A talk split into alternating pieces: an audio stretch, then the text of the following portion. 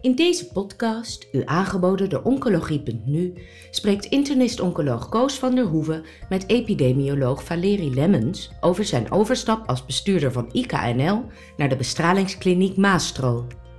Aan bod komen onder andere de Nederlandse Kankeratlas, het belang van de data van de Nederlandse kankerregistratie, die onder meer een belangrijke rol hebben gespeeld bij het vaststellen van de volumenormen, de samenwerking met DICA en waarom hij overstapt naar Maastro. Professor Valerie Lemmens, een, een, bekend en betrouwbaar gezicht bij het IKNL, lid van de Raad van Bestuur, gaat binnenkort het IKNL verlaten en gaat werken bij Maastro. Dat is een uh, mooie aanleiding om een gesprek te hebben over het verleden en ook over de toekomst met uh, Valerie Lemmens zelf. Welkom uh, Valerie. Dankjewel Koos. Vanaf wanneer heb je voor het IKNL gewerkt? Um, ik uh, werk al 21 jaar voor IKNL. Uh, ja. Ook voor een van haar regionale voorlopers. Dat was het IKZ, het Integraal ja. Kankercentrum Zuid in Eindhoven. Ja. Uh, het zat zo, ik, ik ben wat later begonnen met, met studeren, op mijn 25ste. Dus ik studeerde op mijn 30ste af als epidemioloog. Ja. En zoals dat toen ging, keek ik in de krant op zoek naar een mooie baan. En toevallig op het moment van afstuderen was er een vacature bij het IKZ voor een epidemioloog. Ja, ja. En daar werd er toen heel veel epidemiologisch onderzoek gedaan. Daar werkte Koeberg toen ook, volgens mij. Klopt dat? Ja, Jan-Willem ja. Koeberg was inderdaad mijn promotor. Ja. Um, en hij is inderdaad een van de grondleggers van al het onderzoek dat in de jaren daarna gedaan is op basis van kankerregistratiedata. Nog heel even terug, want maak toch nieuwsgierig. Wat heb je tot je 25ste gedaan? Ik heb, uh, ik heb gefietst, ik heb, uh, ik heb gewielrend. Um, ik, uh, ik heb na mijn VWO-diploma gedacht, goh, wat, wat zal ik gaan doen? Ik Ja. dacht, ik, ik ga een jaartje fietsen en na dat jaartje werden er twee en drie en, en vijf, zes. maar op een gegeven moment dacht ik toch van, goh, ik moet toch nog iets serieus in mijn leven gaan doen. Ja, Um, en toen ben ik gestopt met fietsen en toch weer schoolbanken ingegaan. ja. Nou, heel eh, bijzonder. Maar we gaan terug bij je werk bij het IKNL. Welke posities heb je allemaal daar eh, bekleed? Ja, ik begon in eh, 2003 als junior onderzoeker, als, als Ja. promovendus.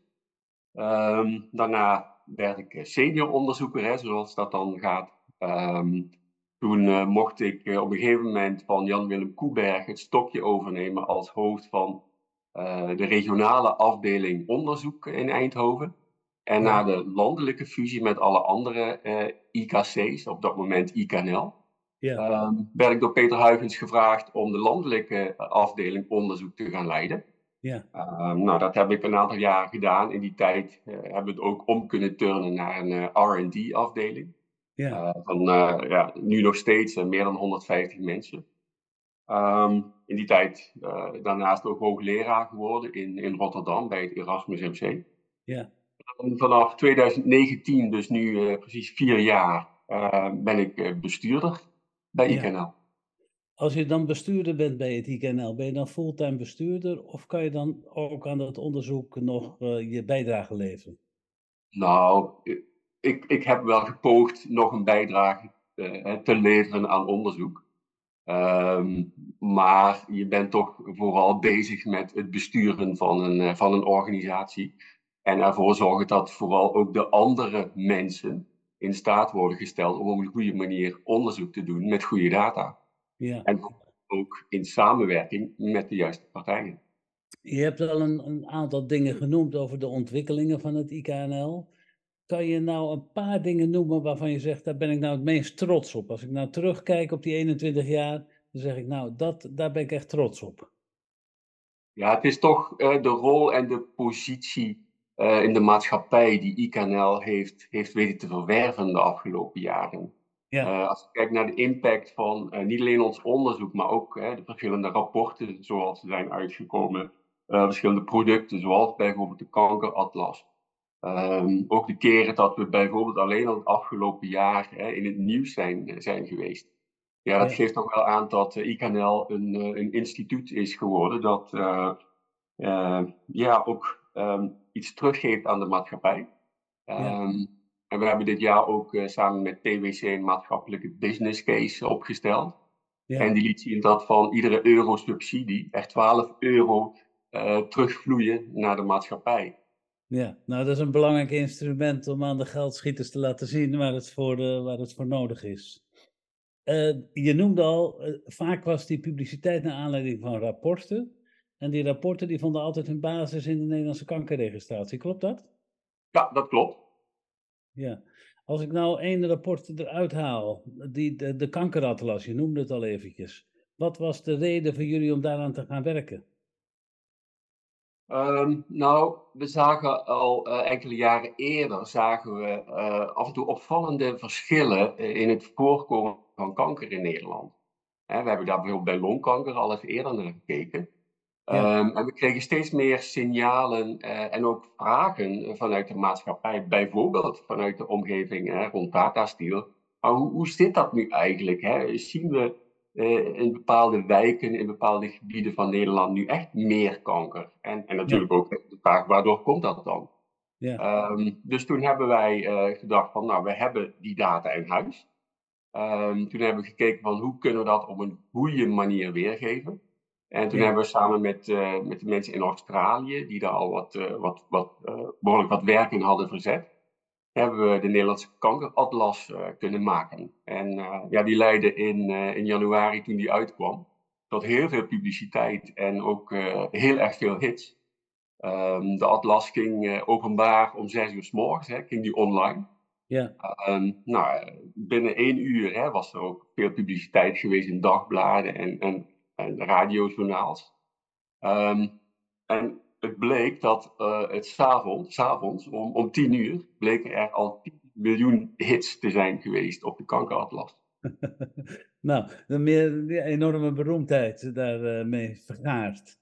Hoe, hoe zouden we die kankeratlas nu het beste kunnen gebruiken? Dus wat, wat moeten we ermee? Want het is heel interessant om te lezen, maar wat, wat kunnen we ermee? Hij wordt op dit moment heel veel gebruikt, uh, met name door, eh, door de GGD's, ook door het RIVM. Ja. Uh, bij de GGD's komen vaak vragen terecht van uh, bijvoorbeeld verontruste inwoners van een bepaalde gemeente bijvoorbeeld. die zeggen van, hé, hey, ik, ik, ik zie hier zoveel kanker om mij heen. heeft dat misschien te maken met die fabriek in de buurt? Of, ja. of met iets anders qua omgevingsfactoren? Dus de GGD gebruikt nu ook onze kankeratlas om die vragen beter en sneller te kunnen beantwoorden. Ja. Um, maar ik denk dat je nog meer met die kankeratlas uh, zou kunnen.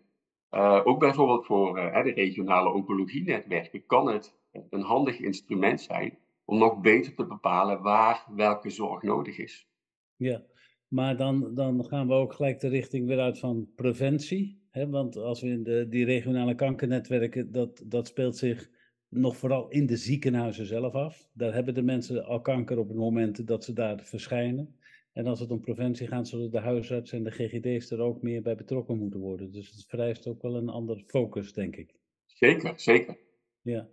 Uh, die kankeratlas heb je genoemd. Is er nog iets wat je aan wil stippen? Nou, bijvoorbeeld, hè, uh, als we wat verder teruggaan in de geschiedenis. Uh, de volumenormen, hè, daar hebben de data van de Nederlandse kankerregistratie ook een, een hele belangrijke rol in gespeeld. Ja. Uh, 15 jaar geleden was er nog nauwelijks sprake van minimumvolumenormen in Nederland. Ja. En mede dankzij de data van de Nederlandse kankerregistratie hebben we laten zien dat er ook in Nederland een duidelijke relatie is tussen hoogcomplexe zorg en de uitkomst van de patiënt. Ja. En op basis daarvan heeft uh, destijds ook uh, de eerste volumenormen ingesteld. Ja. Als ik dan iets dichter terugga naar, naar het nu. Ja. We hebben natuurlijk vorig jaar de, het rapport Kanker in Nederland 2032 uitgebracht. Ja. En waarin we lieten zien waar het naartoe gaat in Nederland wat betreft kankerincidentie en de prevalentie. Ja. In die zin kan, kan het IKNL ook heel erg beleidsondersteunend zijn om, uh, ja, om plannen voor de toekomst te kunnen maken. En telkens weer doordat die gegevens vanuit de Nederlandse kankerregistratie komen, gebaseerd op echte data. Um, kan het IKNL nog op andere manieren beleidsondersteunend zijn? Uh, in het verleden, met het verleden, ik denk toen jij 21 jaar geleden begon, toen bood het IKNL ook nadrukkelijk trial support aan. Ze, deden, ze begeleiden studies, ze deden de datamanagement voor studies. Hoe is dat nu? Dat is op een gegeven moment verdwenen, komt misschien weer een beetje terug. Kan je daar nog iets over vertellen? Daar kan ik zeker iets over vertellen. Uh, en je spreekt in het verleden, maar dat doen wij nog steeds. Ja. Uh, wij, uh, wij, ondersteunen nog steeds tientallen studies. En er zijn ook meer dan 80 mensen nog steeds fulltime mee bezig. Ja. En dat zijn vaak investigator-driven studies, hè, gefinancierd door KWF en, en. Ja. dus dat is een activiteit die we, die we nog steeds doen. Het enige verschil is dat we in het verleden daarvoor financiering ontvingen van het ministerie van VWS. En die hebben op een gegeven moment gezegd, we moeten dit aan de markt overlaten. Dus we geven IKNL daar geen subsidie meer voor. Hè? Dus we moeten nu zorgen dat we onze eigen broek eh, daarmee ophouden. Uh, ik denk wel dat we daar stappen in, in hebben te zetten. Ja, uh, want was dat moeilijk? Ik bedoel, dat, dat ging van een, van een situatie waarin het automatisch was dat de financiering kwam zodra je die trial support aanbood. En nu moet je het verdienen. Dat. Heeft dat tot een daling eventjes geleid van de support die jullie gaven? Uh, ja, we zien ook dat er hè, uh, simpelweg minder patiënten in trials terechtkomen in Nederland. Ja. We zien ook dat de inclusie in de lopende trials ook steeds langzamer ging. Dat de trials die er zijn ook vaak minder, minder patiënten omvatten. En ja. Dus dat is vooral wat het voor ons ook lastig maakt om wat dat betreft um, ja, um, het trialbureau zoals we dat noemen, um, toekomstbestendig in te richten. Daarom ja. zijn we ook bezig met het iets anders in te richten. Dat trialbureau is altijd een, een op zichzelf staande tak geweest binnen de organisatie. Ja. En ik denk als we in de toekomst um, hè, de I van uh, IKNL, hè, het integraal uh, aspect, uh, benadrukken en dat trialbureau ook beter laten samenwerken met onze andere ja, hè, sterke punten, hè, zoals innovatie, zoals de. Uh, dat we dan meer kunnen betekenen. En ik denk dat we dan vooral moeten inzetten op doelmatigheidsstudies. Hè, zoals we bijvoorbeeld ook de Sonia Trial hebben ondersteund. Zoals er ook steeds meer uh, studies uh, komen. Ja, oké.